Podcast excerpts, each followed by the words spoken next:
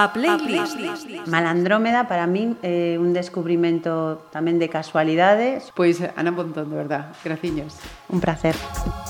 A playlist. Don Tino Lores, bienvenido. Muchas gracias. Entonces decía, quizás no supe hablar tum, tum, cuando te vi. Iba cambiando y haciendo el movimiento. de- A playlist. Saludos, eh, tenemos a una mujer hoy como invitada, una mujer que em, en esta semana, ya es la segunda ocasión que vamos a decir, que rompe otro techo de cristal, porque también va a añadir a su currículum la primera mujer que en este cargo ocupa, preside la agrupación socialista de Pontevedra. Maika Larriba, bienvenida Muchas gracias. y enhorabuena, ¿no? Sí, y suerte. Es lo que más deseo. Cuando me, cuando me felicitan por la calle, que yo agradezco las felicitaciones y los buenos deseos, pero siempre les digo, desearme suerte, porque la suerte es muy importante en la etapa que viene, que viene ahora. Si, si vamos con ese capítulo más eh, reciente, eh, ¿cómo y, y- y por qué se decide, Maika? seguramente, fíjate, casi me traiciona ya subconsciente y iba a decir, ¿por qué Malé? Malé, su hermana, compañera de esta profesión, se me va a escapar seguro que más de una ocasión. Bueno, no importa. ¿Por qué Maika decide dar este paso? Pues mira, decido dar este paso porque yo, mm, que llevo muchas décadas, algunas décadas de militancia y de compromiso con, con el, con el Partido Socialista, con lo que para mí son los valores del socialismo democrático, aunque muchas veces no, no haya estado de acuerdo con la praxis, pero, pero mm, yo he mantenido mi compromiso. Pues eh, eh, yo que llevaba ya un cierto tiempo, a pesar de que estaba en la ejecutiva local, pero eh, sin responsabilidades importantes en este, en este ámbito, pues eh, digamos que los acontecimientos que sucedieron en el Partido Socialista a finales de 2016, con aquel mm, infausto comité federal que forzó la dimisión de Pedro, pues a mí me convulsionó por dentro. ¿no? Y a mí me parecía que yo no había llegado hasta ahí para consentir que se pudiesen producir situaciones como esa. ¿no? El primer secretario general elegido democráticamente en primarias, pues que un comité federal pues sustraiga mm, la voluntad eh, mm, de toda una organización y, y que fuerce la dimisión del secretario general. Y, y- y- y yo que llevo mucho tiempo militando y que tengo muchos contactos con muchos compañeros, no solamente de la provincia de Pontevedra, de Galicia, del resto de España, empecé a sentir y a contactar y a ver que aquello que yo sentía no era solo un sentimiento individual, ¿no? Y mm, un grupo de compañeros en Pontevedra mm, decidimos pues, poner en marcha eh, los primeros contactos con otros compañeros de la provincia que estuvieran en nuestra sintonía y que quisieran bueno, pues, eh, mm, volver a poner a Pedro Sánchez, si él demostraba voluntad de querer presentarse, de querer presentarse otra vez en la Secretaría General del partido. Y, y esa tarea la empezamos, entre otros, el compañero de Agustín Fernández y yo, y nos sorprendió que la primera reunión que convocamos sin, sin, sin saber realmente eh, si, íbamos a, a- si iba a venir alguien, si no iba a venir, de repente aparecieron compañeros de 46 agrupaciones de la provincia de Pontevedra. Y aquello fue lo que me hizo recuperar la ilusión y recuperar las ganas, ¿eh? tanto en el proceso de primarias federales como en el de gallegas, como tal. Y andando el tiempo, digamos que muchos de aquellos compañeros de aquí, de la agrupación de Pontevedra y compañeras, empezaron a pedirme que yo diera el paso. Yo nunca había estado en cuestiones orgánicas de envergadura, nunca había tenido interés tampoco por, por, por- por puestos orgánicos, ni había estado en luchas de poder. Y, y el compañero Tino ya me había dicho en más de una ocasión que quería dejar la Secretaría General y deca- dedicarse eh, enteramente a la actividad municipal. Pedí tiempo para pensarlo, más tiempo para pensarlo, pero al final, pues digamos que la confianza de tantos compañeros y compañeras, pues me decidió a dar el paso y a ver qué, Y a situarte donde qué se estás puede, a se enero de puede- qué se puede 2018. hacer. Sí. Eh, Maika, vamos a irnos a, a tu familia. Cuéntanos, eh, yo creo que prácticamente todo el mundo que nos pueda estar escuchando sabe, pero vamos a hacer ese, ese reconocimiento. Recuérdanos, Maika es hija Yo soy de... hija de un- unos padres maravillosos, de una madre de, de la generación de mi madre, una mujer, Carmela, mm, a- cariñosísima, amantísima de sus hijos. Mm, Era una mujer de gestos, no era, no era una mujer mimarra- mi- mi- mimarracheira, ¿no? Eh, pero que dedicó su vida entera a, a sus hijos y, y- y- y que siempre estaba allí. O sea, yo recuerdo venir de Santiago y si un día llegaba a mi casa y mi madre no estaba en casa, a mí me, me- me daba un vuelco el corazón porque mi madre siempre estaba, siempre estaba. Y de un padre, bueno, mm, eh, maravilloso, de un padre amantísimo que entregó su vida a sus hijos, que nos sacó adelante, que siempre mm, eh, siempre mm, se empeñó en que estudiásemos. Yo, eh, eh, todo lo que somos, lo somos por nuestro esfuerzo, pero por el trabajo de mi padre y por la dedicación de mi madre. ¿no? Mi padre era, tú sabes, era Amador, Amador Larriba, y yo mm, a mis hijos les transmito siempre el agradecimiento que yo siento hacia, hacia mis Hacia padres. ellos. A sus hijos, eh, cinco hermanos, de los cuales Maika es Yo soy la mayor. la mayor. Yo soy la mayor. Yo, mm, nosotros somos cinco hermanos, los tres primeros nos llevamos dos años cada uno, luego hay un paréntesis ahí de cinco años más o menos y venía la segunda tanda, ¿no? Que eran mi hermano, que son mi hermano Amador y era mi hermana Mónica. Y en la primera tanda, Antonio. Y, Antonio, y que el- es médico, que mm, ejerció la medicina mm, y después decidió hacerse inspector. Y mi hermana Elena, que estudió Ciencias de la Información en Madrid, que es compañera vuestra, es periodista y que es de las primeras promociones de la Facultad de Ciencias de la Información. Luego está mi hermano Amador, que continúa trabajando en, en el diario Luego- de Pontevedra, Ujú. y la Peque, que era Mónica, que tristemente falleció muy joven, falleció en el año 2001.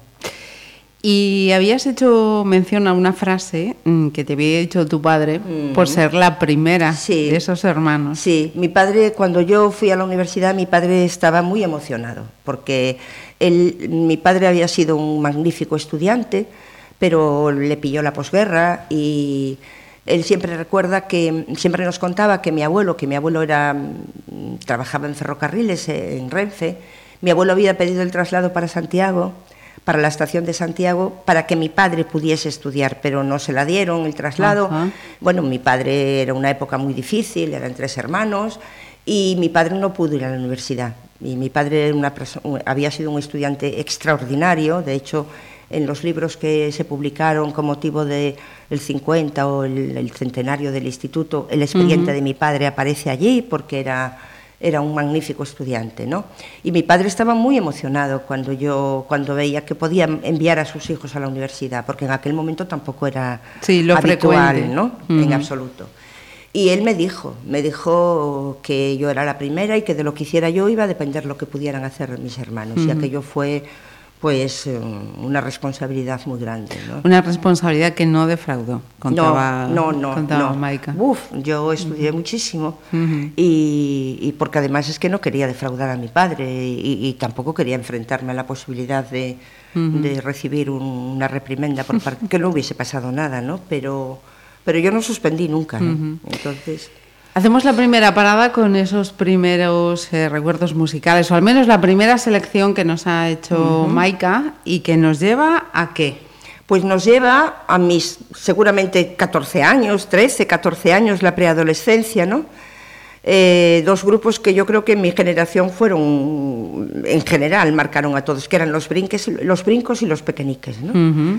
Oíamos más música nacional, ¿no? Todavía. Sí, era difícil que llegara todavía lo de fuera. Eh, Los brincos, pues eh, em, el sorbito de- con un sorbito de champán o Lola. Y, y de los pequeñiques recuerdo un disco que yo tenía, que era un- los pequeñiques eran un grupo instrumental que se titulaba Frente al Palacio, cualquiera de las piezas de aquel disco.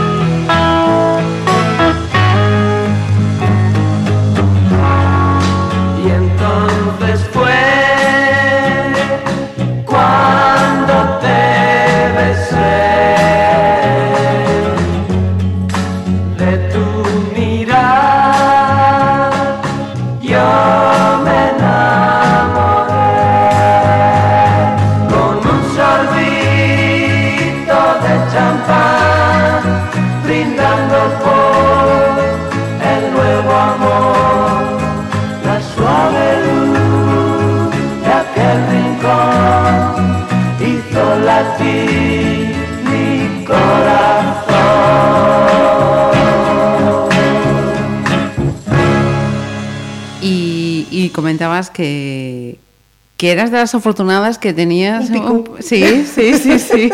Me lo habían regalado mis abuelos, un picú Philips, que era como una especie de caja, como un maletín, era color verde clarito, funcionaba con pilas y también conectado a la red eléctrica. Y, y- y, mm, no, no hacíamos guateques con él, pero, pero mm, pues íbamos a merendar a, a la falda del Monte de la Caera o ahí al comienzo de lo que hoy es el, es el paseo de Monteporreiro. Llevábamos los bocadillos, llevábamos y, y llevábamos dos o tres discos que teníamos, que eran los que teníamos, no teníamos más, y los repetíamos continua, continua, continuamente, y entre ellos siempre estaban Esos que de los brincos y de los pequeñiques.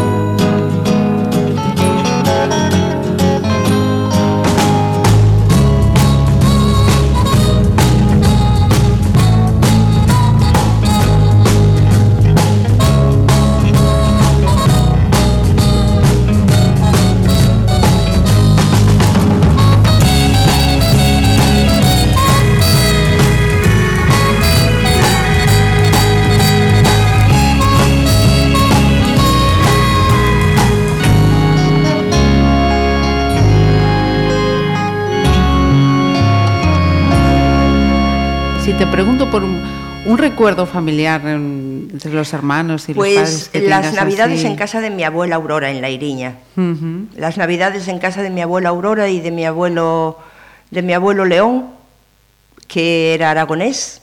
Anda. Sí, era de un pueblecito de la ribera que se llamaba Teca, muy cerquita de Calatayud. Ujú. De hecho, a mi abuelo le llamaban el Maño.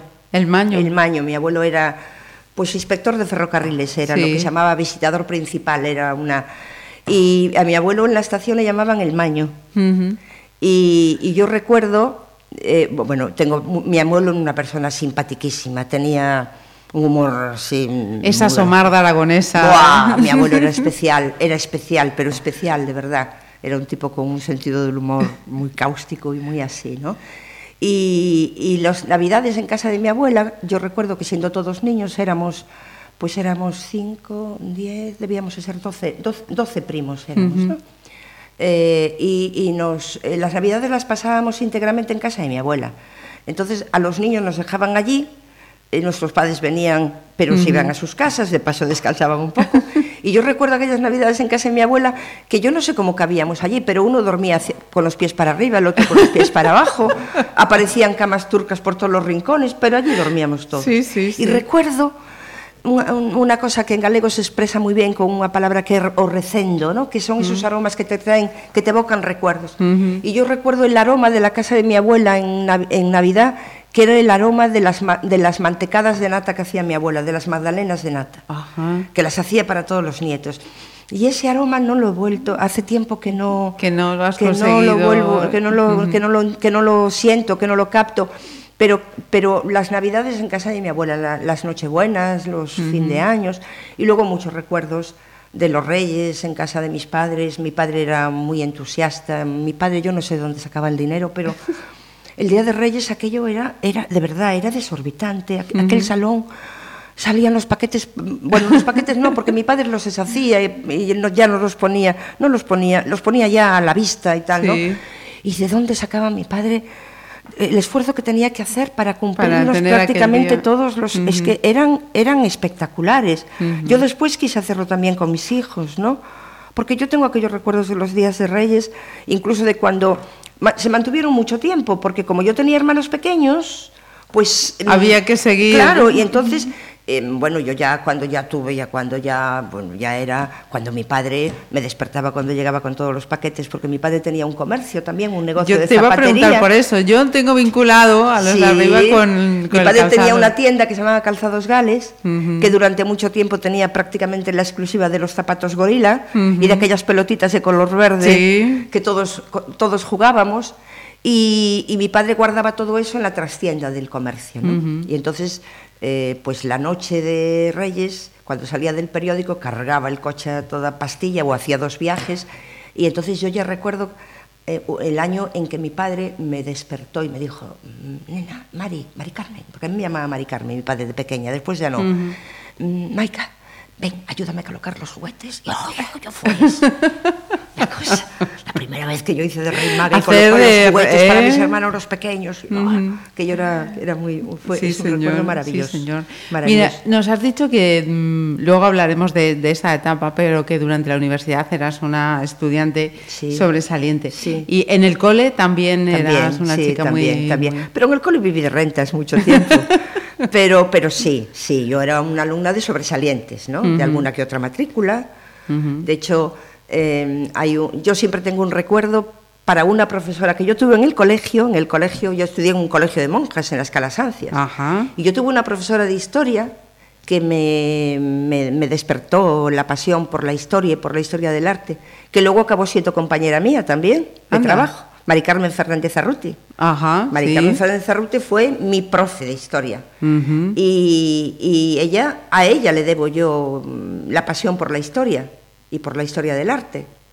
Y, mm, yo era matrícula con Mari Carmen y, y ella siempre, muchas veces lo recordamos, nos queremos mucho. ¿eh? Y yo acabé siendo compañera de profesoras muy jóvenes Mira tú. que me daban clase en, en el colegio. Sí, sí, sí, sí, sí. Y esto de ser la, la primera em, también te hacía... Tenía que ejercer ese papel un poco también de madre de los que venían detrás. A veces sí, pero a veces yo era un poco repugnante. Mi hermana Malé cuenta alguna anécdota que yo no la quiero repetir aquí. Incluso parece ser que un día la saqué de una sesión cinematográfica porque me parecía que aquella película no era para ella. Sí, eh, pues sí. eh, siempre me lo, a veces me lo dice, anda, anda, anda, que tú. Pero, pero yo después fui, aparte, yo estudiaba, estudiaba mucho en la universidad, pero yo fui una, yo fui una tía muy concienciada y muy activa ¿eh? Sí. en- durante mi época universitaria. ¿eh? Vamos, vamos a hablar de esa cuestión. Si te parece, vamos a hacer otra, otra parada musical. ¿Dónde nos vamos a ir ahora?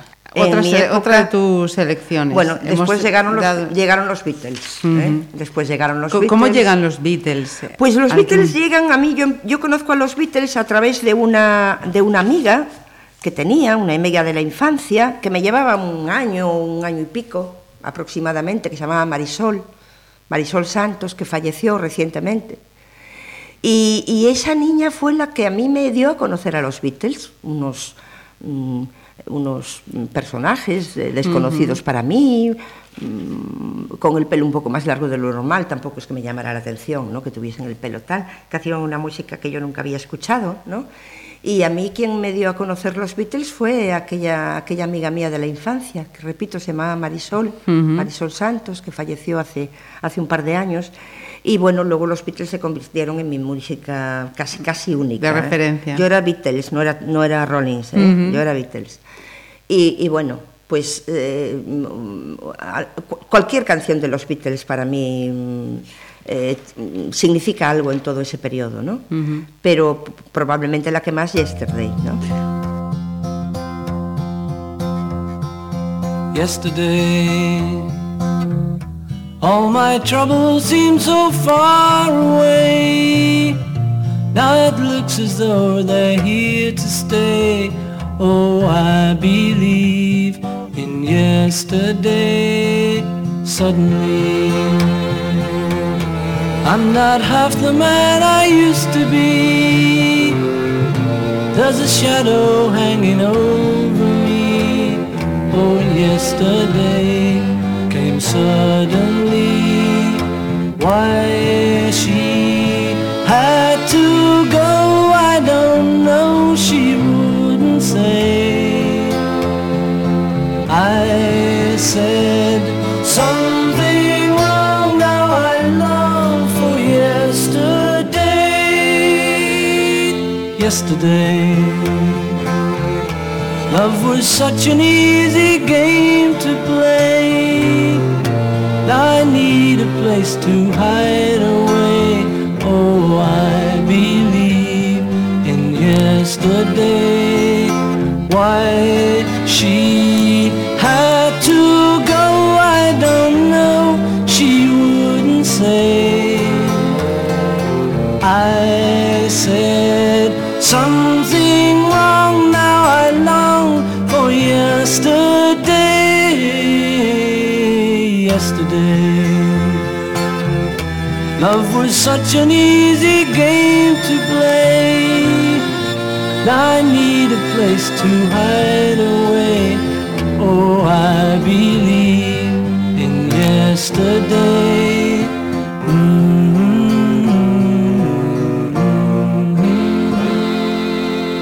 Mira, eh, las adolescentes en, en tu generación, ¿dónde ibais? ¿Qué, qué hacíais? ¿Cómo os divertíais? Cuéntanos. Pues... ¿Qué eh, había? eh, eh, mm, ¿Aquí en Pontevedra Sí. o ya luego en Santiago? O si- no, no, aquí en Pontevedra, antes Aquí de en marcharnos Pontevedra a había muy poquitas cosas que hacer. Salíamos un ratito el sábado por la tarde, eh, paseábamos por la calle del Oliva. Cuando llovía, el paseo de la calle del Oliva se prolongaba por las galerías Oliva, que acababan de ser abiertas, porque así no nos mojábamos. Empezábamos a tomar, pues, eh, alguna bebida mm, eh, en las torres, por ejemplo, o en un sitio que se llamaba la Taberna del Irlandés, pero un ratito nada más. Sí. Eh, no salíamos más de dos horas, dos horas y pico. Yo, antes de que den las diez, como dice la canción, tenía que En estar en casa. Porque mi padre, aunque habitualmente a esa hora no estaba, porque estaba trabajando, de vez en cuando muy hábilmente se dejaba caer para cogerte de sorpresa. Justo donde estaba Maika. Y yo recuerdo a veces correr como una loca por la por el, por el Fernández de la Dreda, porque antes, antes mm, mm, o por el antiguo Salvador Moreno, actual Rosalía de Castro, porque nosotros antes de irnos a vivir a la Caíra vivíamos ahí, en esa zona. y, y yo recuerdo, casi sin, sin, sin respiración, llegar a casa antes de que la aguja se desplazara de las 10. Mm, Mi madre no, no pasaba nada porque llegase cinco minutos más tarde, pero mi padre era muy estricto en eso. Como él no podía estar siempre a esa hora, pues entonces de vez en cuando se dejaba Marcaba. caer y, y llegabas a casa y estaba tu padre en casa y dices, menos mal que llegué, que llegué en hora, ¿no? Pero sí, pero sí, sí, sí, sí. Y sobre todo eso, y en verano íbamos a la playa y, y, y no había muchas más cosas en las que entretenerse. ¿Y cómo es el cambio cuando llegas a Santiago? El cambio Santiago, Santiago fue un cambio brutal. Ujú. Ya el cambio empezó a ser para mí eh, el preuniversitario, Ujú. el pasar de un colegio de monjas a un centro ¿De las tal, a dónde de la- pasaste? Al, al, Valle- al Instituto Valle Inclán, que era el instituto femenino. Y allí conocía personas maravillosas, compañeras que fueron amigas toda la vida. Eh, entre ellas Matilde Adrio, la hija de Gonzalo Adrio Barreiro, y, y más. mm, Ana Corrales, Lili Quintillán, Pili Aramburo, Rosa Lorenzo, algunas han, han fallecido muy jóvenes, pero ya el instituto era otra cosa. Los profesores eran diferentes. eh, te enseñaban cosas que hasta ese momento. Coste que yo, mm, mm, yo no tengo nada que achacarle al colegio de monjas, más allá de que, bueno, pues eh, una determinada moral y conducta que te. Pero a mí jamás me aleccionaron políticamente las monjas. Nunca, tengo que, tengo que decirlo, jamás me aleccionaron. Nunca. Y, pero bueno, eh, el ambiente era el ambiente, ¿no? Y yo cuando llegué a- a- al instituto, yo me encontré con un profesor que también fue, que se llamaba Manolo Domínguez, que era el catedrático de Lengua y Literatura Española, que, que mm, era, yo nunca había tenido un profesor así.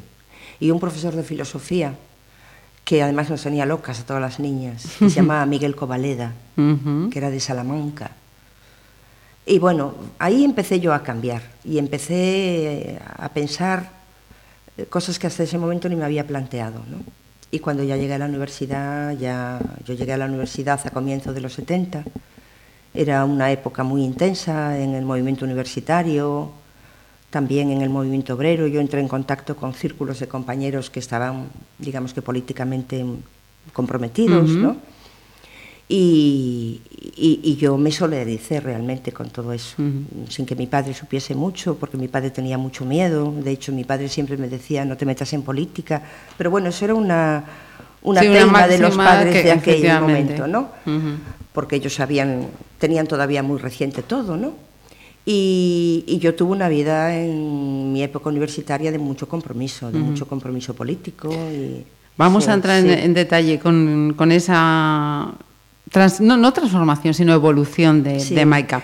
Decía yo que no íbamos a dejar a los Beatles porque tu siguiente selección eh, es de John Lennon. Es de John Lennon, Imagine. Ujú. Imagine fue un icono para mi generación. Era, era como, era un, era un lema, era un emblema, Imagine, de, de, de, de John Una bandera. Una bandera, efectivamente, una bandera.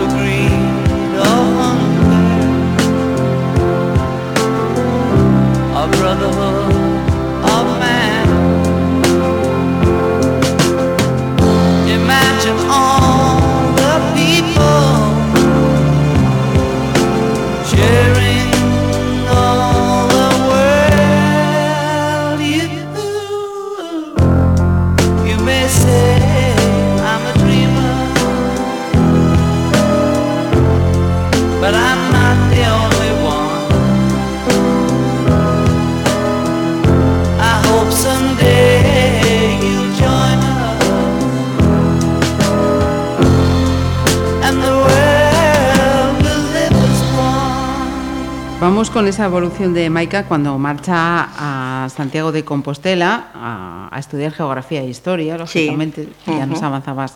¿Cómo te había marcado eh, Mari Carmen Fernández Arruti en, esa, en esa decisión?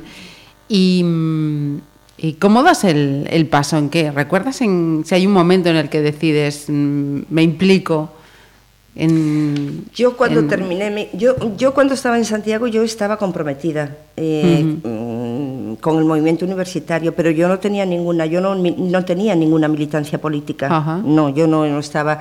En mi época, en mi facultad, el partido político que, que más mm, aceptación tenía, sobre todo en filosofía, era el MC, lo que llamaban, llamaban mocos, ¿no? Los mocos, ¿no? Que eran maoístas y troscos también, pero sobre todo maoístas. Pero yo nunca tuve ninguna militancia política. Yo no yo estaba comprometida con, yo apoyaba, yo, eh, pero no no milité nunca políticamente. En, eh, yo conocía gente muy interesante en aquel momento. Yo recuerdo recuerdo recuerdo a Rafael Pillado, fíjate tú, un líder sindical de comisiones obreras cuando los sucesos de Ferrol, cuando habían en el año 72. Yo recuerdo llevarlo a la Facultad de Filosofía y meterlo en la Facultad de Filosofía oculto entre muchos compañeros. Iba a hablar de lo Anda. que había sucedido en Ferrol, de los Sí, muertos sí. de Ferrol. Porque parece mentira, pero habían sido a pocos kilómetros y sin embargo la prensa no decía nada, la prensa no informaba. Bueno, la prensa en la dictadura era lo que era, ¿no? y, y yo conocía gente muy interesante. Yo tuve de compañero a Adolfo Domínguez. Anda. Adolfo Domínguez estudiaba en la facultad, luego lo habían experimentado. No era de mi curso, era mayor que yo, pero yo coincidí con él en alguna asignatura. Y después él había, él, él lo habían detenido una vez y había estado en la cárcel de La Coruña, luego dejó la carrera, pero yo coincidí en las aulas con él y con gente muy interesante, ¿eh? Eh, que andando el tiempo, pues acabaron cada uno un lado diferente, ¿no? Yo tuve compañeros extraordinarios que acabaron militando en el nacionalismo, en la izquierda, en tal. Pero era una época muy, muy rica, muy viva, muy dura también, porque era el final del franquismo. Y yo viví el 1001, yo recuerdo aquella manifestación silenciosa en la Plaza de Toural en Santiago cuando, cuando las condenas a muerte del 1001, del juicio de Burgos, del Ajá. proceso de Burgos, que todavía, todavía lo recuerdo y se me ponen realmente la carne de gallina, ¿no?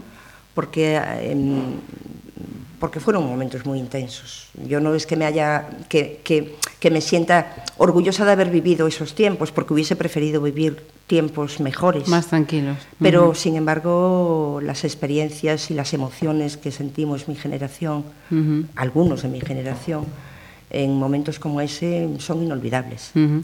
Sí, pero precisamente también esa convulsión de aquel momento de- desemboca en, en algo tan grande como fue la Pues sí, democracia. pues sí. Si no llega a ser Pues también sí, por esa pues sí, compulsión. pues yo creo que el movimiento pasa. universitario fue clave. Ujú. El movimiento universitario, el movimiento obrero fue fundamental, ¿no? Y quizá fueron los dos, las dos puntas Motores, de lanza, sí. ¿no? De, de la lucha contra el franquismo, ¿no? Y porque además de ahí salieron muchos líderes mm, políticos y sindicales, ¿no? Que estuvieron en primera línea en, en ese, en ese momento. Fue una época muy, muy, muy, muy intensa.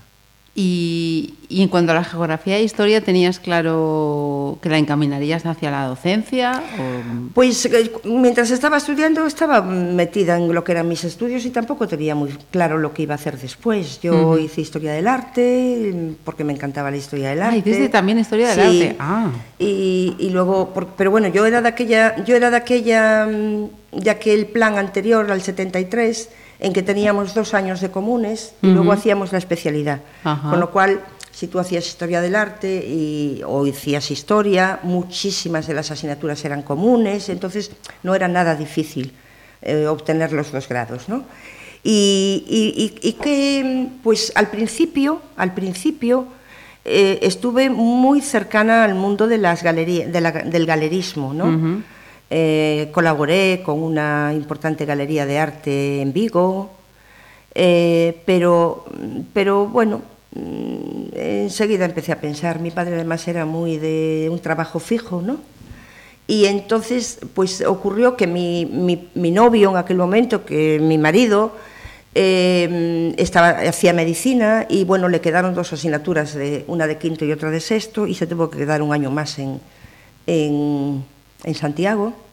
Yo me vine porque estábamos tres hermanos estudiando al mismo tiempo, dos en Santiago, una en Madrid, y me encerré a preparar oposiciones. Y, y bueno, pues ya orienté y creo que, que tuve- eh, tengo, porque la tengo todavía, la profesión más satisfactoria y más maravillosa del mundo, la, la docencia.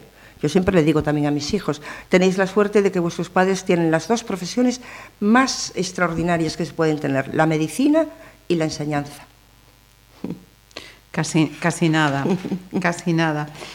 Maika, otra paradita para otra selección musical que nos vamos a quedar con un cantautor también clave, ¿no? En con Serrat, época. con Con Serrat. Serrat. y con cualquier canción de Serrat. A mí aquel disco dedicado a la, a la poesía de Machado y de Lorca, que sirvió para que mucha gente conociera realmente a Machado a través de la música de Serrat, pero yo me quedo con Mediterráneo y con Aute también, al alba. También una canción muy significativa. muy de- significativa de de ese momento. y en un momento muy, muy, muy duro también, ¿no?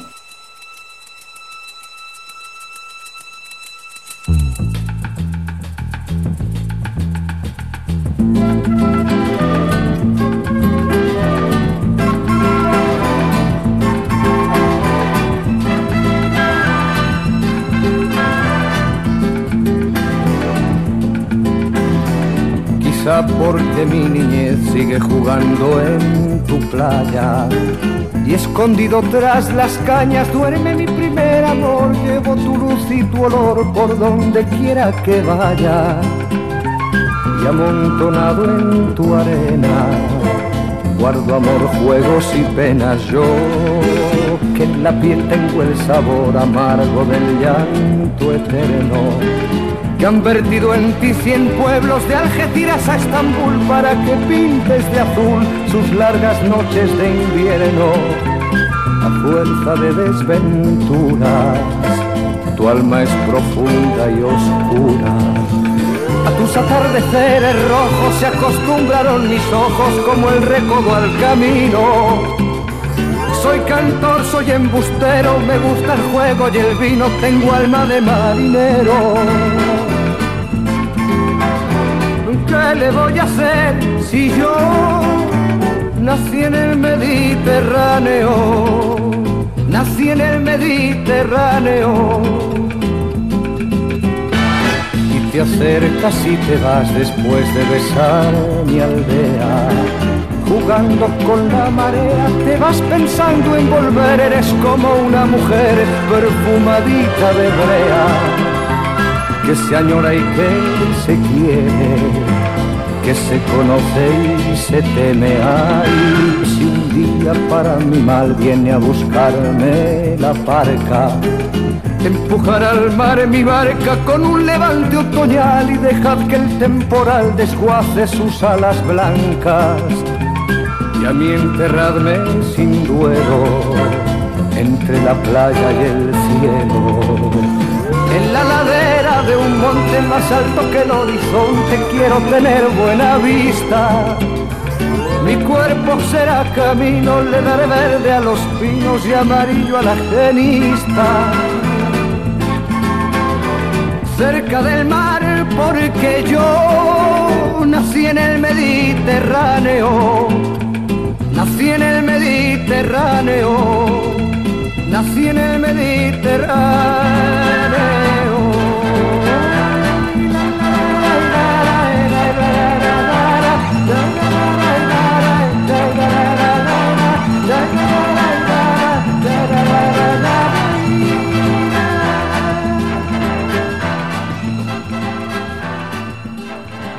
Nos has mencionado hace unos minutitos. eh, mi novio hacía medicina. Sí, Es un novio que fue luego Mi marido, su y que sigue siéndolo. y que sigue siéndolo. Celso. Celso Malvar García de la Riega, un PTV de toda la vida.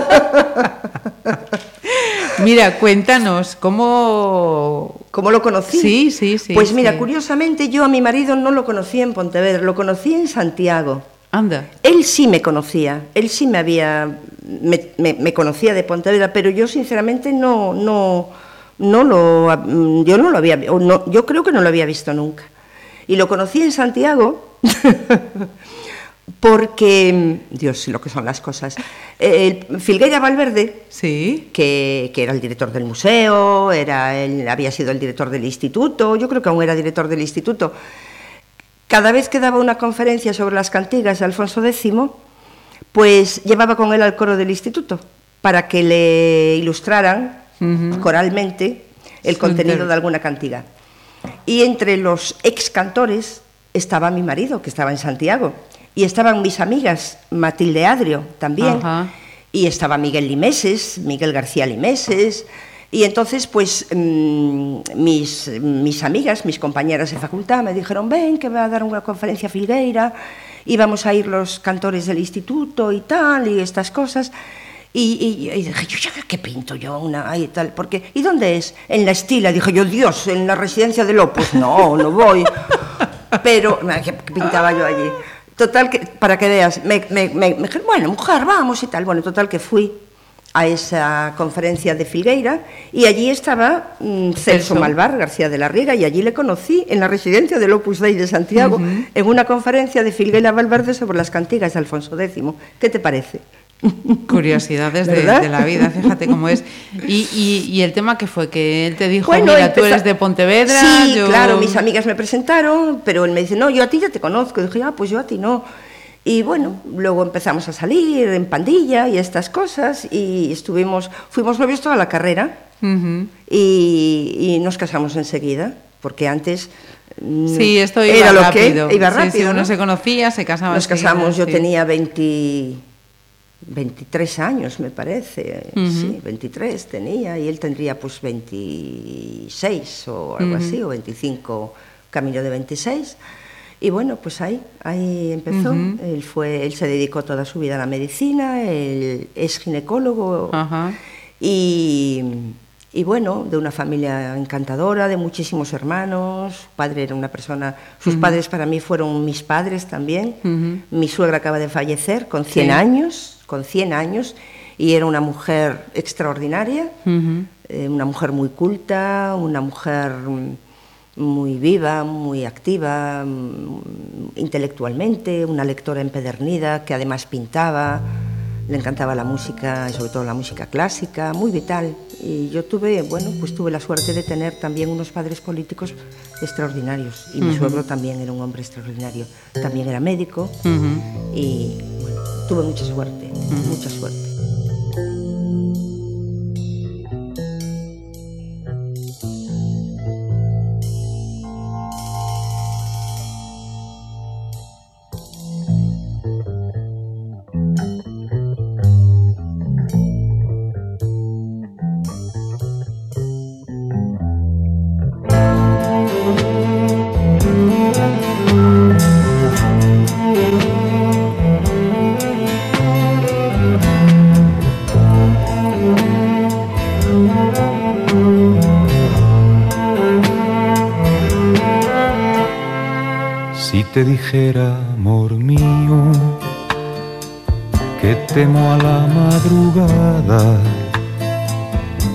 Sé qué estrellas son estas que hieren como amenazas, ni sé qué sangra la luna al filo de su guadaña. Presiento que tras la noche vendrá la noche más larga. Quiero que no me abandones, amor mío al alba. Al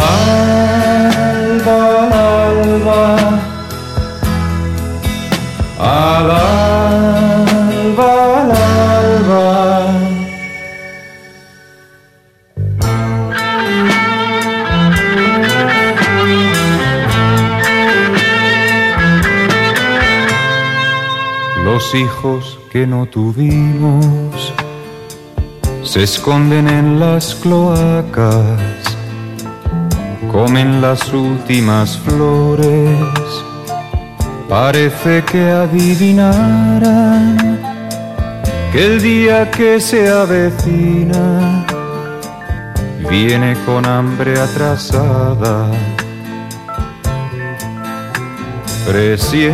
Que tras la noche vendrá la noche más larga. Quiero que no me abandones, amor mío al alba. Al alba, al alba,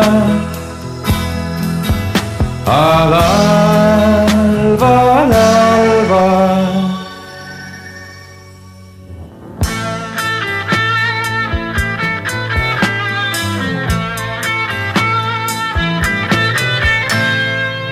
Miles de buitres callados van extendiendo sus alas.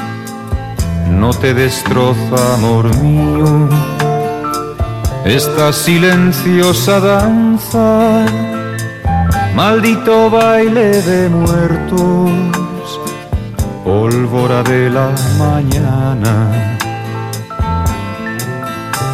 Presiento que tras la noche vendrá la noche más larga. Quiero que no me abandones, amor mío al alba. Al alba,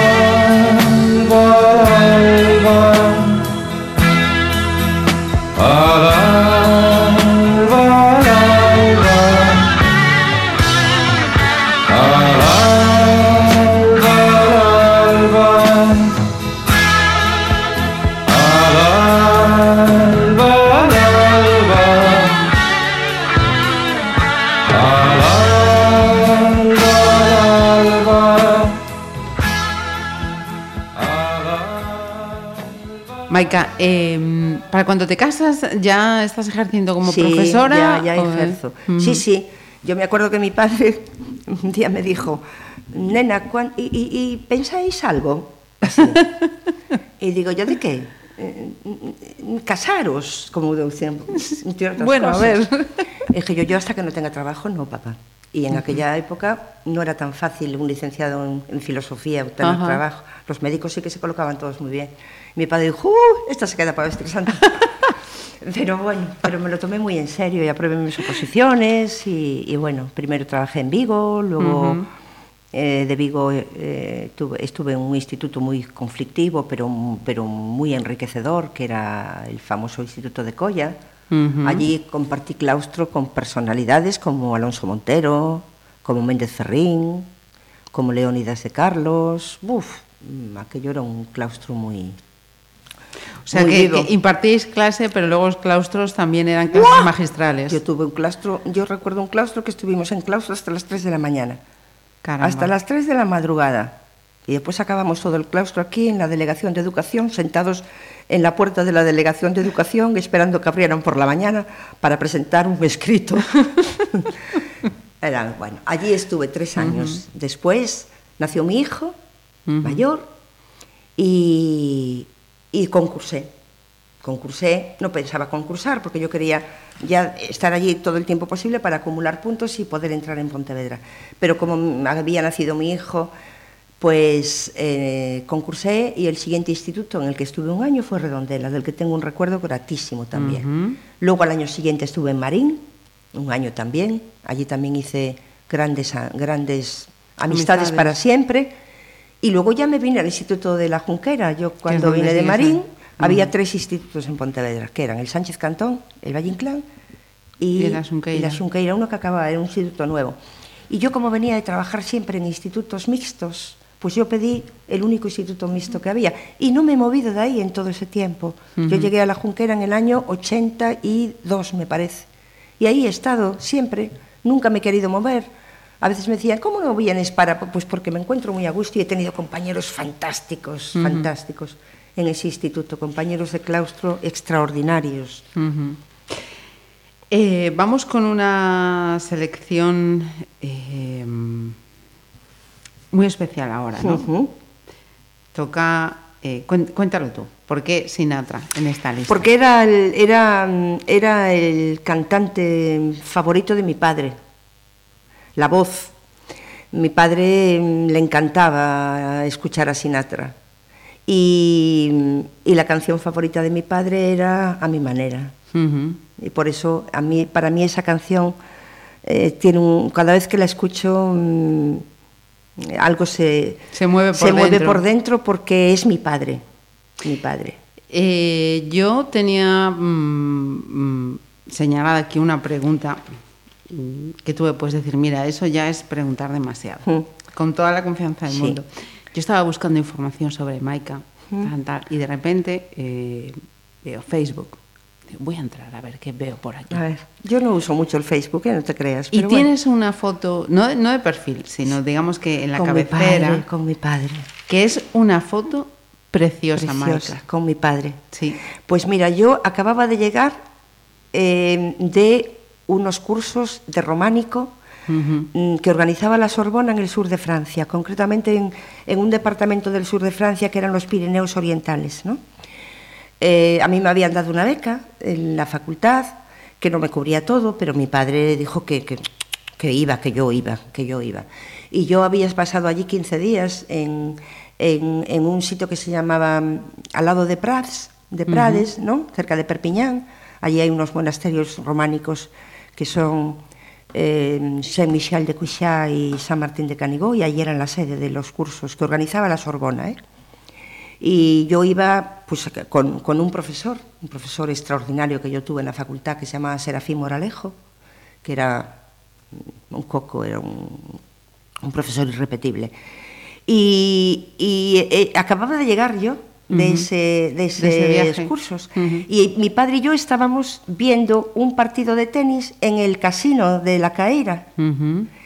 Y esa foto nos la hizo un fotógrafo que había en aquel momento en el periódico que se llamaba Camilo Gómez. Sí. Y es, yo es la foto más maravillosa que, que- que tengo. Mm, mm, sin menospreciar a nadie, pero esa foto es una foto preciosísima. De verdad que sí. Allí estamos yo y mi padre viendo un partido, riéndonos, contándonos cosas y... eh, sí. Es una foto que dice mucho. Sí. Nada más verla Sí. dices, Dios mío, todo lo que cuenta esta foto. Sí, por eso la tengo ahí.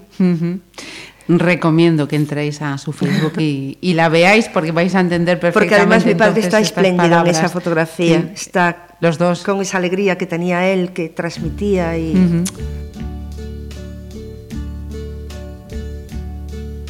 And now the end is near, and so I face the final curtain. My friend, I'll say it clear, I'll state my case, of which I'm certain. I've lived a life that's full. I traveled each and every highway and more, much more than this. I did it my way. Regrets, I've had a few, but then again, too few to mention. I did what I had to do, saw it through without exemption. I planned each charted course, each careful step along the byway and more, much more than this, I did it my way. Yes, there were times I'm sure you knew when I bit off more than I could chew. But through it all, when there was doubt,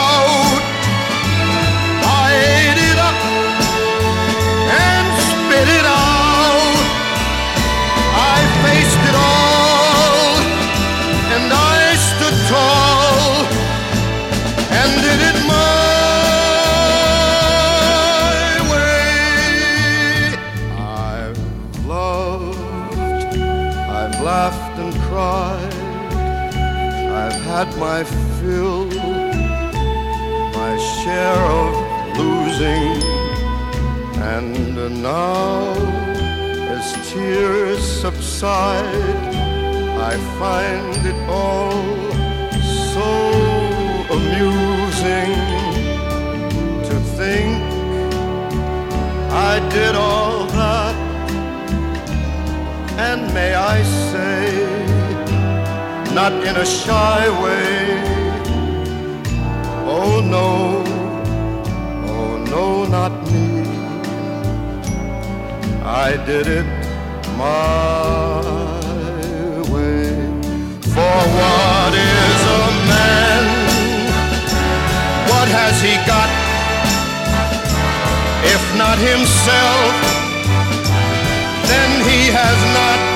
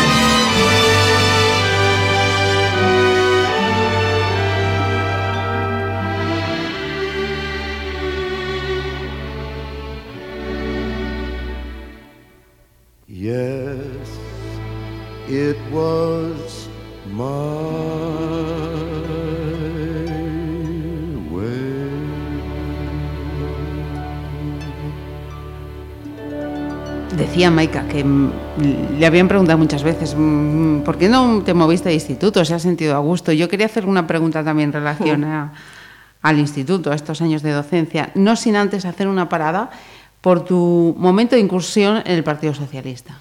¿Cuándo llega? Eh, ¿Cómo se produce? Pues mira, yo cuando mm, en el año mm, en el año yo no yo no yo no había tenido nunca militancia política, yo nunca me había vinculado a ninguna a ninguna organización política, a ninguna. Y ni siquiera sindical, ¿eh? Y eso que yo viví un momento mm, de readaptación de lo que era la enseñanza pública en la transición, porque yo empecé a trabajar en el año 76, o sea, justo el año siguiente de, de morir. Franco, ¿no? Yo era muy joven y además aparentaba mucho más joven todavía, ¿no? Siempre recuerdo eh, la primera vez que yo mm, entré en mi instituto y el jefe de estudios, a mí me habían dado, como era la última, pues asignaturas de todos los niveles, cursos muy altos, yo daba casi dos asignaturas de COU, y, el jefe de estudios cuando llegué me quiso acompañar, y yo le dije, no, no, no, no, yo voy, voy, voy yo sola, ¿no? Y yo me enfi- enfilé el pasillo del Instituto de Coya hacia las aulas de COU y un chaval me hace así y me dice, tía, mm, ¿me das un pitillo? Y yo abrí mi bolso, saqué la cajetilla, de aquella se fumaba todavía en las clases. en las clases. Y yo era su profesora y él era mi alumno. Después fue un gran alumno, un magnífico alumno. Siempre me decía que menudo palo había. Yo aparentaba muchísima menos edad todavía Ajá. de la que tenía, ¿no? Y, y yo en el año 87, yo ya tenía, ya tenía dos hijos. Eh, Gonzalo Adrio, con el que me unía una, en- un enorme, una gran amistad, porque yo, sus hijas, para mí eran como hermanas y siguen siéndolo. Y, mm, y, eh, eh, fue de era candidato a la alcaldía y me llamó, me llamó y me pidió que yo fuera con él en la lista a la- a la- al ayuntamiento como independiente. Y fui como independiente. Yo a Gonzalo no le podía decir que no, era un hombre que quería y respetaba muchísimo, que me había contado muchas cosas y, eh, sobre su tragedia y, y- y sobre todo a mí me, me, me pasmaba la fuerza que ese hombre sacó Transmitía. de aquella tragedia tan enorme que vivió, ¿no? Y, y fui. Y entré como independiente en aquella lista en la que también iba eh, Tito Taboada, Sí. Roberto Taboada, en la que también iba Antonio Nodar, que en aquel momento era el secretario general del Partido Socialista. Y, bueno, pues eh, al, al año y pico aproximadamente yo entendí que, que si yo era concejala del Partido Socialista, mm, yo creo que era co- coherente que yo pidiese el alta y me, me afilié al partido en el año, en el año 88. Ujú. Luego fui de nuevo otro mandato más eh, concejala. Nunca dejé mi profesión, Ujú. yo nunca dejé de ejercer la docencia, ni de tener reducción de jornada, ni nada de nada.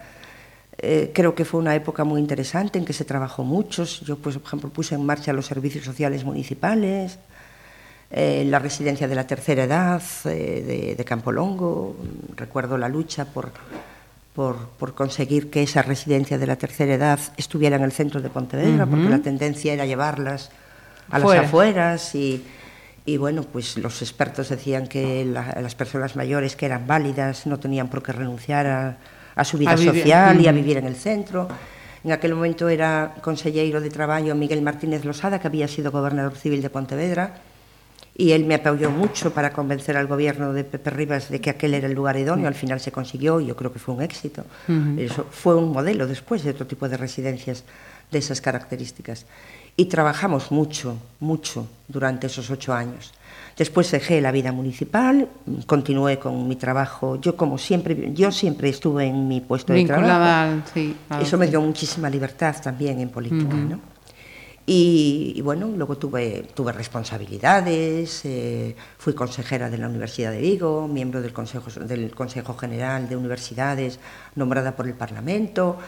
Y, y- y- y luego mi vuelta un poco así a responsabilidades coincidió con el gobierno de Miguel bipartito, sí, delegada que me nombraron delegada de presidencia de toda la provincia de Pontevedra.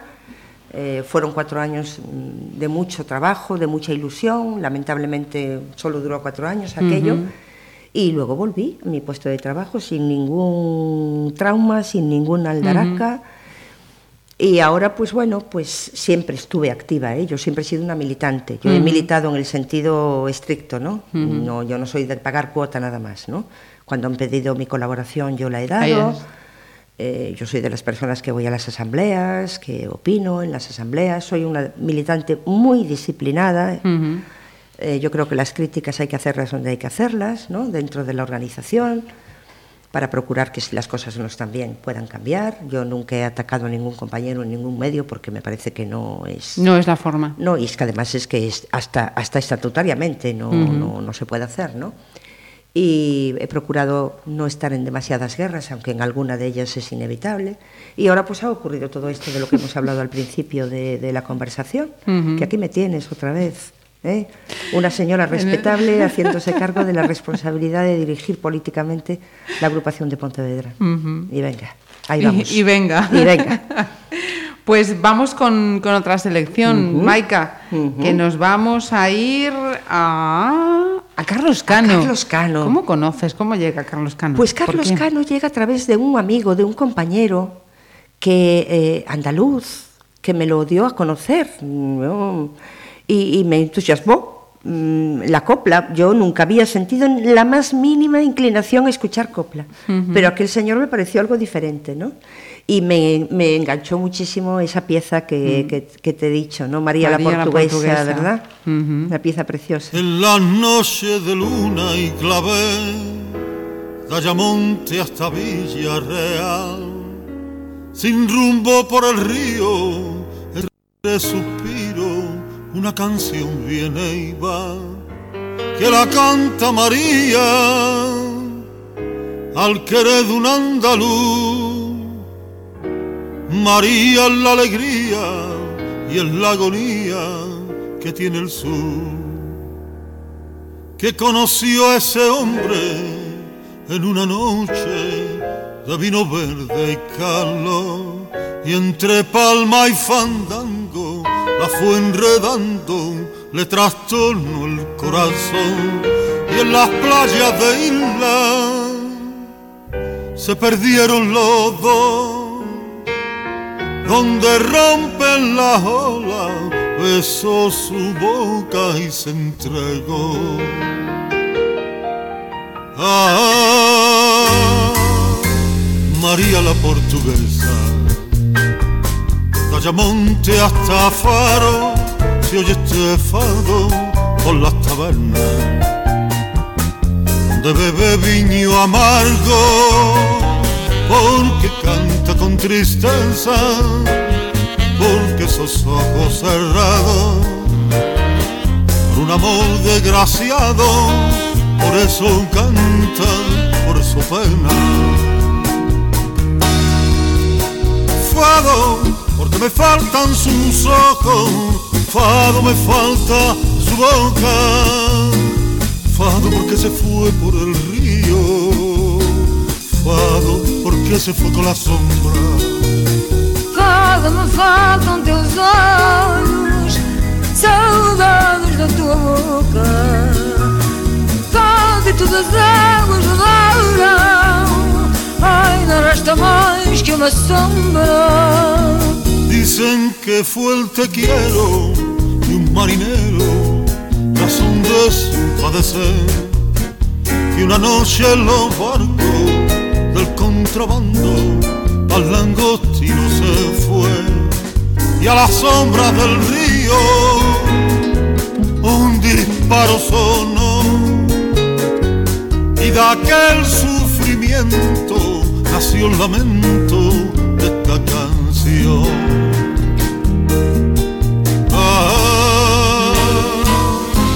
María la portuguesa, Ayamonte hasta Faro, se oye este fado por las tabernas,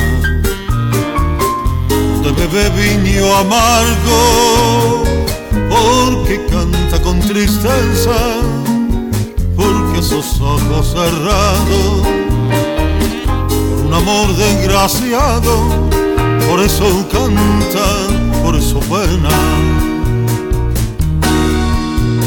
Fado, porque me faltan sus ojos, Fado me falta su boca, Fado porque se fue por el río, Fado porque se fue con la sombra. Fado me faltam teus olhos, saudades da tua boca. Fado e todas as águas rodaram, ai, não resta mais que uma sombra. Dejando al margen esa militancia, esa eh, acción en, en, la, en, el Partido Socialista, quería preguntarte por la, por la docencia. Eh, en todos estos años eh, que llevas en, en, ejercicio de esta extraordinaria profesión, sí, como, extraordinaria. Tú, como, tú, dices, eh, ¿cómo en ese contacto que tienes tú a día de hoy con uh -huh. los adolescentes, con los jóvenes, uh -huh. ¿qué diagnóstico nos podrías hacer de esta generación? Ah, bueno, ese suspiro sí, dice mucho, es ¿eh? Que, es, que, es que tampoco quiero caer en los tópicos de que otros tiempos fueron mejores. Cada generación tiene sus propias, tiene sus características y sus actitudes ante la vida. Yo creo que la vida es más convulsa para estas generaciones de lo que lo fue uh -huh. para otras anteriores. Eh, los buenos alumnos son igualmente buenos. Los de ahora, los de hace 10 años, los de hace 20 años, igualmente buenos. Yo creo que en este momento probablemente se le exija más. Eh, pero al mismo tiempo mmm, no se les dota de los instrumentos necesarios para ese nivel de aprendizaje o de conocimiento que se quiere que tengan los jóvenes, los jóvenes de estas generaciones. Eh, yo no estoy nada de acuerdo con, con estas últimas tendencias de las reformas educativas. Uh -huh. Parece que, que es demasiada, demasiado dispersa. ¿no? Yo creo que, sobre todo en los niveles que coinciden a grandes rasgos con el primer ciclo de la enseñanza secundaria obligatoria, hay que insistir en la didáctica y en la, y en la enseñanza de, de, de mm, técnicas instrumentales que a los alumnos le permitan adquirir conocimientos cuando llegado a un determinado nivel eh, el- el- la, la exigencia tiene que ser mayor. Es decir, lo que no puede ser es que a un alumno le pidas hacer un análisis crítico pues, de la Revolución Rusa y que tenga dificultades para escribir. Eso es, eso es absurdo, ¿no? Entonces, eh, yo, mm, eh, yo me he ido adaptando también a todos estos alumnos. Yo no he tenido nunca problemas con los alumnos, curiosamente. También es verdad que yo reconozco que me he volcado y especializado más en los cursos superiores. ¿eh? Yo, de hecho, ahora imparto bachillerato, ¿no? Y imparto asignaturas que son muy, muy gratificantes, ¿no? Eh, historia de España, contemporánea, historia del arte, esas pues te dan, son muy gratificantes, ¿no? Porque es bastante fácil despertar el interés del alumno, ¿no? En esas materias, porque prácticamente casi todo es nuevo, ¿no? Y les ayudas a entender el mundo en que viven, ¿no? Yo creo que la historia y la filosofía son dos materias que con, Y que, contribuyen y que dependen, que dependen mucho del, profesor que tengas para, Ah, claro, para ir acomodándote, para entender muchas cosas, para despertarte muchas curiosidades. y, mucho, y mucho, muchas curiosidades y, a- ubicarte como persona en la vida. Exactamente, e ir configurando tu conciencia Mm. social ¿no? Sí. y tu actitud ante la vida. Pero mm, yo creo que los buenos alumnos, los buenos alumnos que yo tengo ahora no se diferencian tanto de los buenos alumnos que yo tuve hace hace 10 años o hace 20 años. He tenido alumnos magníficos en momentos muy distintos. Quizá, quizá eh, los alumnos de ahora eh, tienen menos hábito de trabajo de los que tenían antes, muchísimo menos hábito de trabajo. Y eso llega un momento en que cuando el nivel de exigencia ya empieza a ser alto, y creo que el paso de la ESO, la diferencia entre la ESO, la secundaria obligatoria y el bachillerato es enorme, es enorme. Y el bachillerato se les hace muy, muy, muy cuesta arriba para la mayoría de los alumnos. La enseñanza de la ESO es mucho más light, ¿no? Mm, ellos dicen que práctica, yo creo que es muy, un poco light.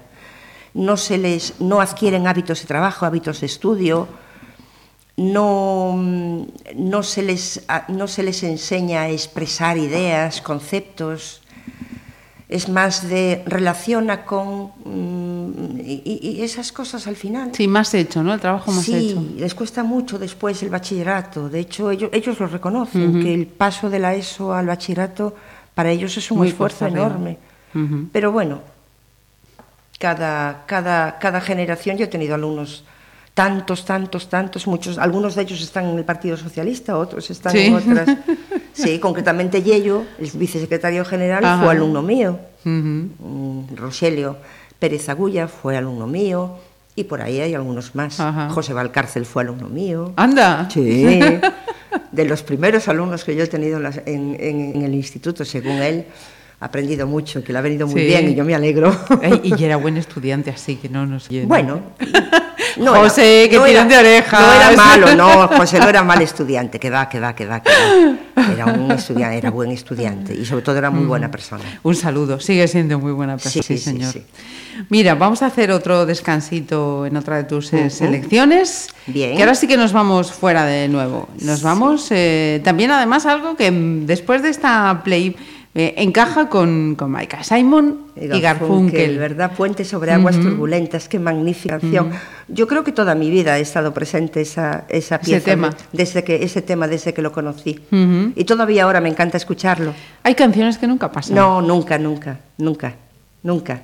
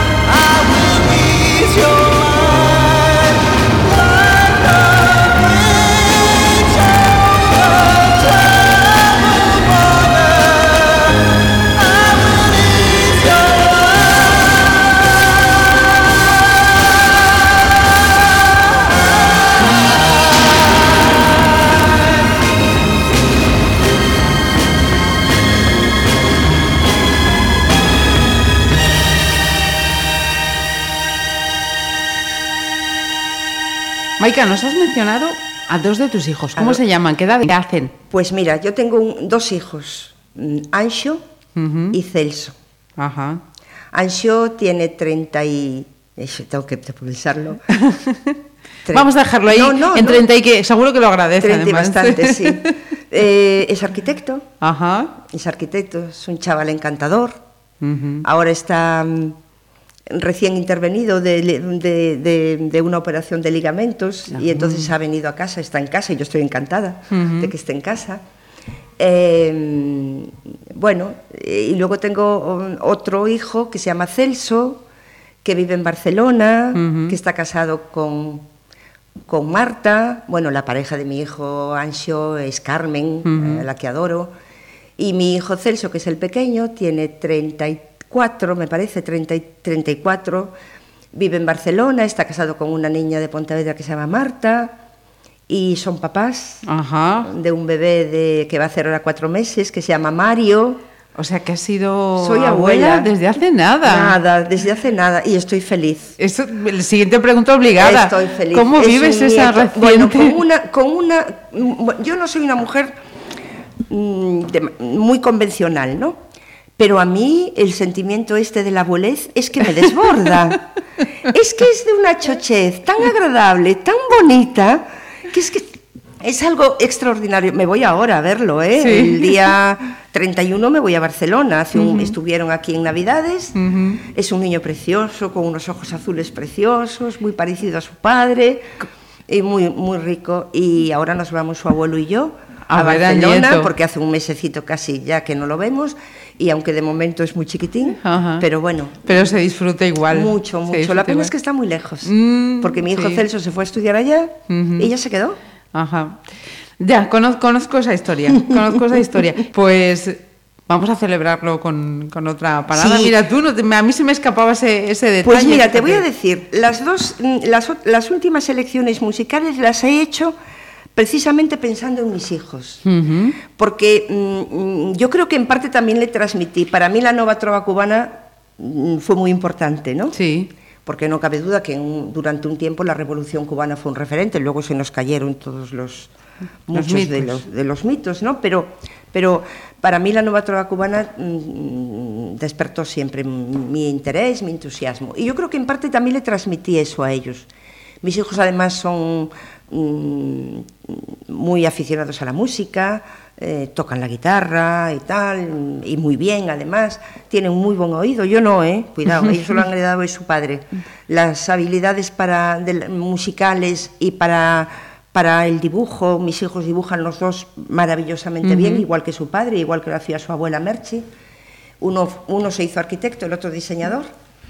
Y, y ellos, eh, estas piezas son canciones que mm, para mis hijos también son eh, Especiales. especiales, que son pues El óleo de una mujer con sombrero de Silvio Rodríguez. Ojalá también de Silvio Rodríguez y Yolanda de. Pablo Milanés. Esta última selección la he hecho pensando en ellos.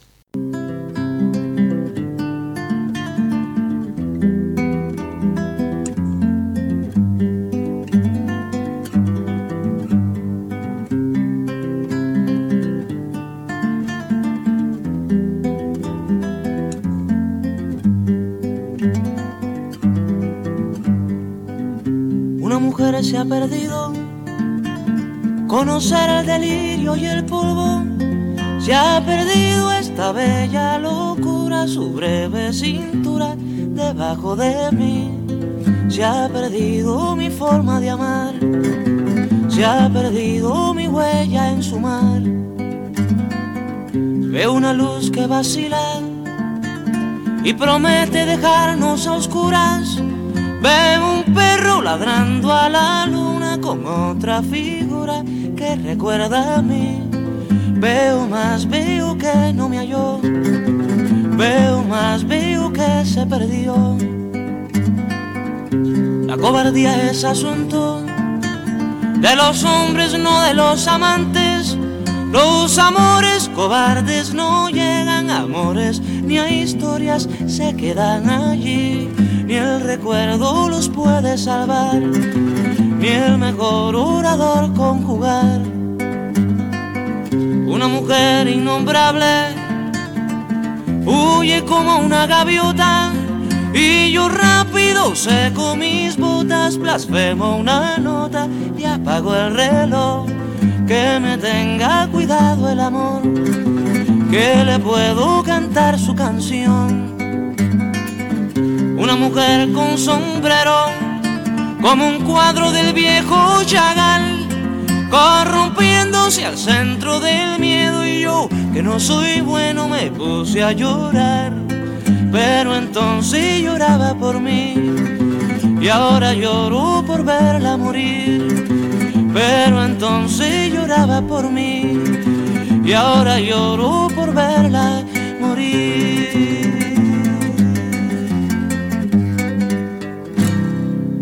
Eh, he visto que mm, eh, tienes cuenta en Instagram, en Facebook, en, en Twitter. Es activa en las redes sociales. es Tengo, tengo está- cuentas en todo, pero mm, tampoco soy un, estoy permanentemente mm, activa en ellas. De vez en cuando, de vez en cuando, de vez en cuando, pero no estoy permanentemente todos los días metiendo, colgando cosas o, o comunicándome a través de las redes. Instagram la tengo porque me encanta ver las fotos de mi nieto. Mi nuera, mi nuera Marta es una, mm, eso sí, ella sí que es una forofa de activa Instagram, muy ¿eh? activa y además es muy buena. Y, y- y yo lo primero, lo- todos los días lo que hago es entrar a ver si me han colgado alguna foto de Mario nueva o algún vídeo nuevo de Mario. Y, y bueno, pero sí, sí, sí, me gustan las redes. No soy ninguna experta en redes, pero, pero me gusta estar ahí, me gusta estar ahí.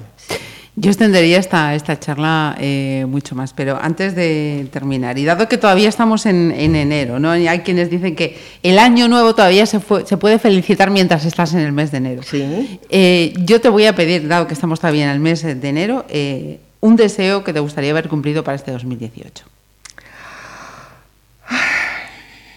Pues no sé. Mm, Me gustaría mm, que, que este país eh, volviera a caminar por, por una senda de mayor justicia social y de mayor solidaridad. El otro día le decía a mis alumnos, les explicaba a mis alumnos, yo cada mañana chequeo la prensa, ¿no? Porque las clases de historia contemporánea de España, eh, muchas veces noticias de prensa me son de una utilidad extraordinaria. Y yo estaba explicándole a mis alumnos la crisis de 1917, ¿no? Entonces les estaba explicando que fue un año de un crecimiento económico extraordinario para España, ¿no? Eh, pero que sin embargo hubo una huelga general en España porque el empobrecimiento de las clases trabajadoras era tal. Entonces yo cogí una, una información de Intermón Osman que decía que los beneficios empresariales en España en los últimos 10 años habían subido un 200% y que sin Pero- embargo los jóvenes que accedían al mundo del trabajo ahora tenían un salario un 30% inferior al que tenían hace 10 años. Si a eso le sumas la inflación que se ha producido durante los últimos 10 años, quiere decir Ujú. que las nuevas generaciones son un 50% más pobres que las de hace 10 años. Entonces yo quisiera que eso revertiera y que eso no siguiera por esa senda y que eh, la justicia, una mayor justicia social, un reparto más equitativo de la riqueza comenzara de nuevo en España, ¿eh? Para recuperar mm, niveles de, de- de igualdad Ujú. más, más, más iguales a los que tuvimos en otros momentos, que fuimos una de las sociedades en donde las brechas, las desigualdades Estaban eran menores menores. y sin embargo ahora estamos a la cabeza. Y, tal. Y yo solo quisiera para el 2018 y para el 2019 y Ujú. para el 2020 y para el Es un, 2021. un trabajo, efectivamente, a, a empezar en 2018 Pues es, pues hasta es. que la situación... y que todo aquel que esté en, esa, en, esa, en ese empeño Ujú.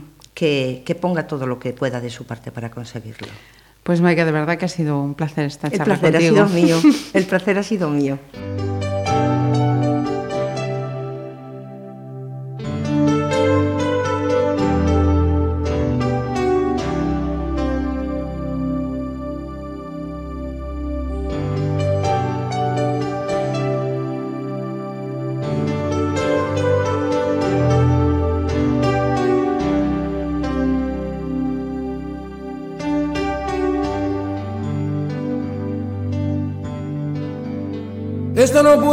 Ser no más que una canción.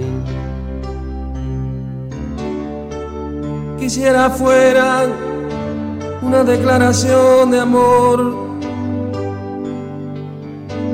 romántica sin reparar en formas tales que pongan freno a lo que siento ahora raudales.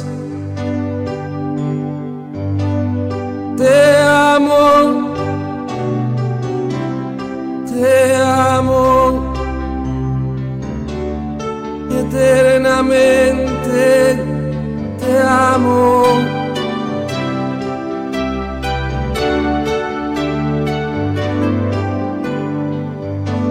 Si me faltaras, no voy a morirme. Si he de morir, quiero que sea contigo. Mi soledad siente acompañada. Por eso a veces sé que necesito tu mano, tu mano eternamente tu mano.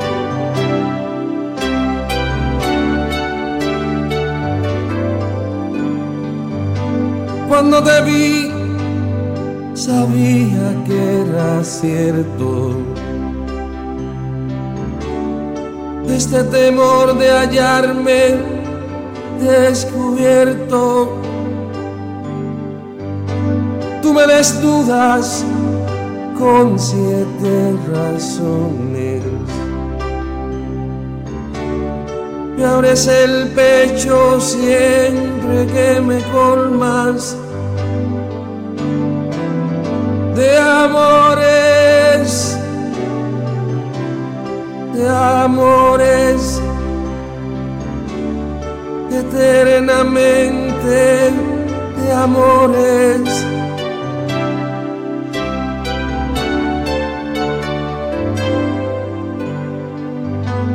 Si alguna vez me siento derrotado, renuncio a ver el sol cada mañana,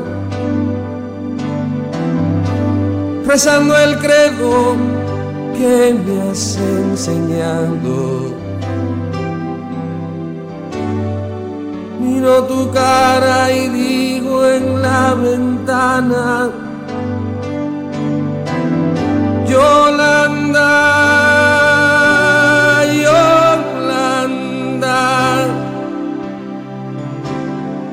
eternamente, Yolanda.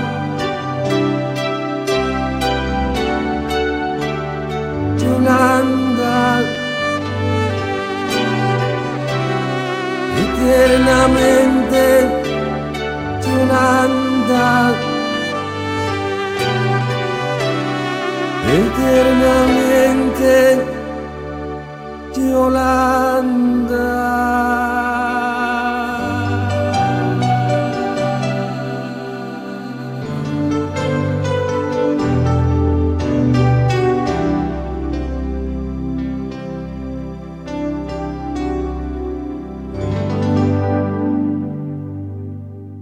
A playlist Pontevedra Viva Radio.